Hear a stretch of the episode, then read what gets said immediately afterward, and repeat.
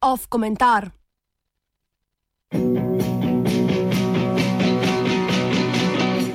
Au revoir, Karel Viktor.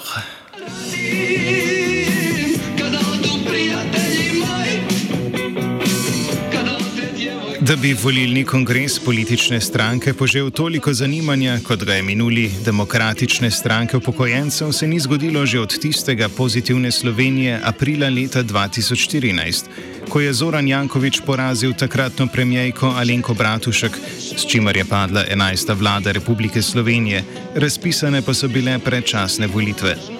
Kot smo v sobotnih večernih urah, občutno kasneje kot načrtovano, saj so se delegati samo pri sprejemanju dnevnega reda in poslovnika kongresa zadrževali več kot uro in pol, pri novinarskih poročevalcih pa smo lahko brali tudi o njihovem negodovanju zaradi kosila, ki jim je pripadlo šele po oddanem glasu, končno dočakali rezultate glasovanja, so se usporednice negotove politične prihodnosti vlekle same od sebe.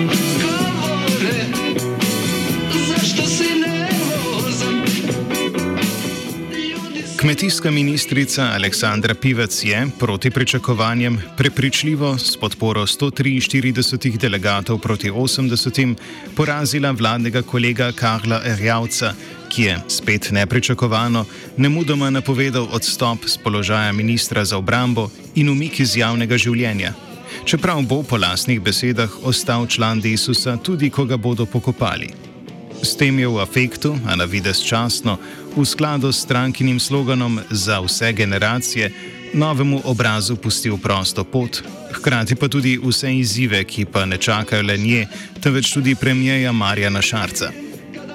Kljub temu je poglavitna razlika, ki slednjemu pušča več manevrskega prostora, kot ga je nekdaj imela Bratušek, ki je na izid volilnega kongresa takrat vezala svoj premijski položaj, ta, da se premiki dogajajo v drugih strankah, ne v njemu lastni listi, in da je vlada tako ali tako manjšinska že od samega začetka mandata.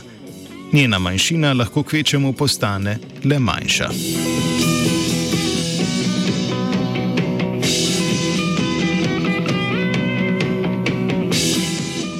Ker je Kahel Rjavec stranko Desus nepretrgoma vodil 15 let, s čimer je po upravljanju vodstvene funkcije v strankarski politiki zaostajal le za predsednikom Slovenske demokratske stranke Janezom Janšo, je njegovo politično zapuščino, še posebej zato, ker ga je ta v končni fazi stala politične karijere, vredno podrobneje ovrednotiti.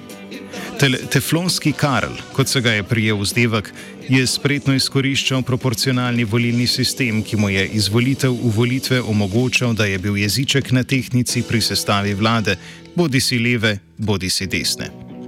Od leta 2004 je tako sodeloval v šestih različnih vladah in trikrat vodil Ministrstvo za zunanje zadeve, dvakrat Ministrstvo za obrambo in enkrat resor za okolje in prostor.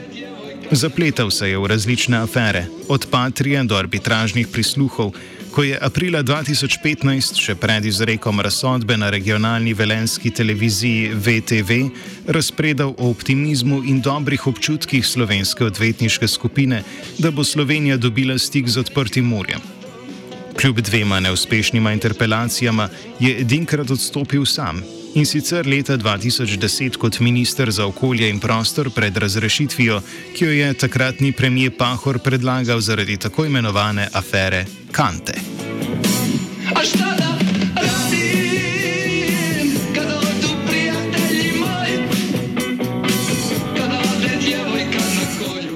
Iz tega lahko izpeljemo vsaj tri zaključke. Prvič, nespretnost izmikanja aferam je Rjavec uspešno kompenziral z izsiljevanjem koalicijskih partnerjev, saj ni nikoli imel težav, kljub zadnjemu volilnemu izidu, s predčasnim odhodom na volitve.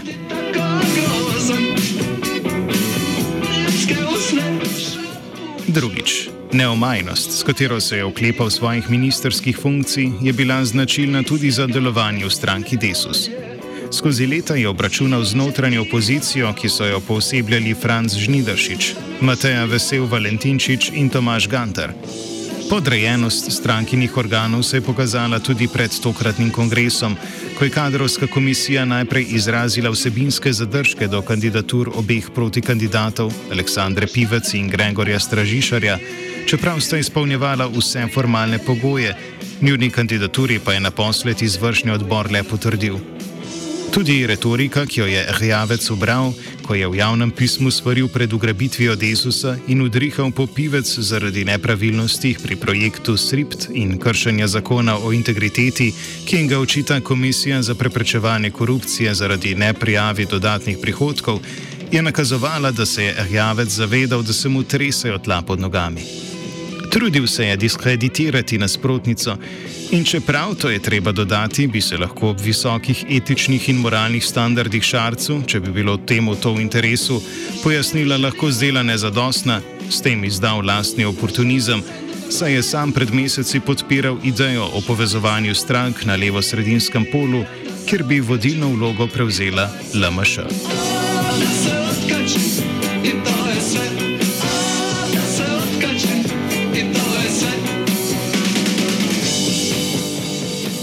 tretjič. Rjavec je v politiki primarno deloval kot karierist, ki mu je bila bolj od skrbi za naše upokojence pomembna funkcija, ki jo je zasedal.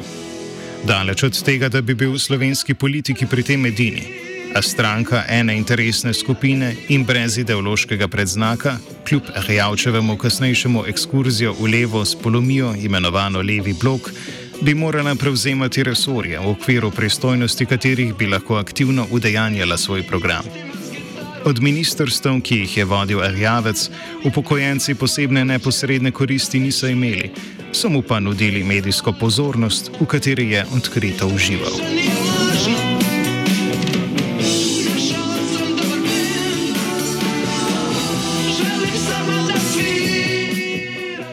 Prav soj televizijskih kamer je, tak je občutek, pripomogel k britkemu koncu njegove politične poti. Fiasko z umikom pripadnikov slovenske vojske iz vojaške baze v Erbilu, ki se ga je ob asistiranju predsednika države in vrhovnega poveljnika Boruta Pahorja odločil izpeljati na očeh javnosti, je razkril brezsramnost, s katero sta bila pripravljena nabirati politične točke obenem pa tudi nekompetentnost, ki jo v obliki prehitro izrečenih in nepremišljenih izjav ni bilo moč spregledati. Ob tem se ni moč izogniti kritiki medijev, ki so na osrednjih večernih poročilih, odmevih in 24 ur zvečer umetno ustvarjene izredne razmere še potencirali, da so se te končno izrodile v stanje popolne abnormalnosti, ko se je kot ključno vprašanje izpostavljalo, ali bi moral predsednika vlade iz sna prebuditi poslani SMS ali ne.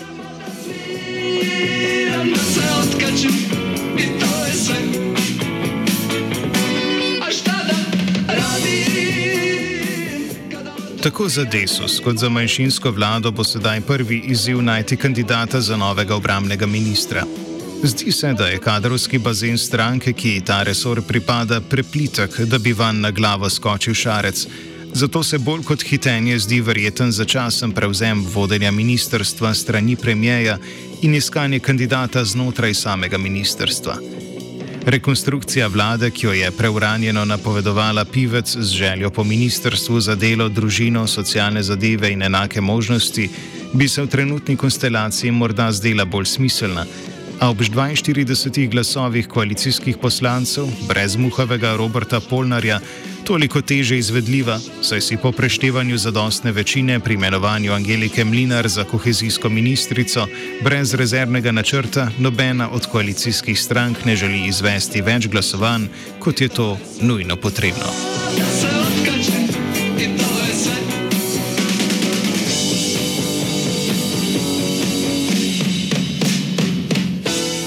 Neodvisno od tega, kaj si mislimo o Janševi izjavi o klinično mrtvi koaliciji, ki da je odvisna od cenika predsednika Slovenske nacionalne stranke Zmaga Jelinčiča, se parlamentarna demokracija v samostojni Sloveniji kaže v vseh svojih prednostih in slabostih.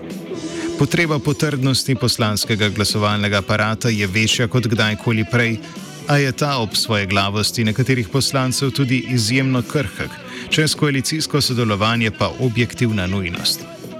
Ne glede na to, ali bomo priča obstoju sedanje koalicije ali pa oblikovanju kakšne druge, pa velja za konec dodati, da bo trenutni sklic parlamenta naposled še pred predčasnimi ali rednimi volitvami, hočeš nočeš, moral sprejeti tudi spremembe volilne zakonodaje in izpolniti odločitev ustavnega sodišča. Če bodo šli v zakonsko spremembo volilnih okrajev, bo potrebna navadna, če pa v spremembo volilnega sistema, pa ustavna večina.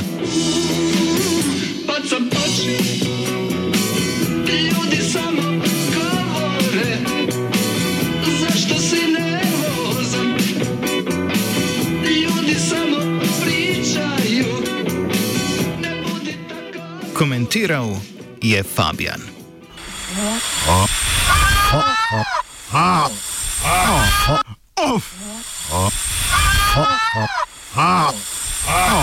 Off komentar.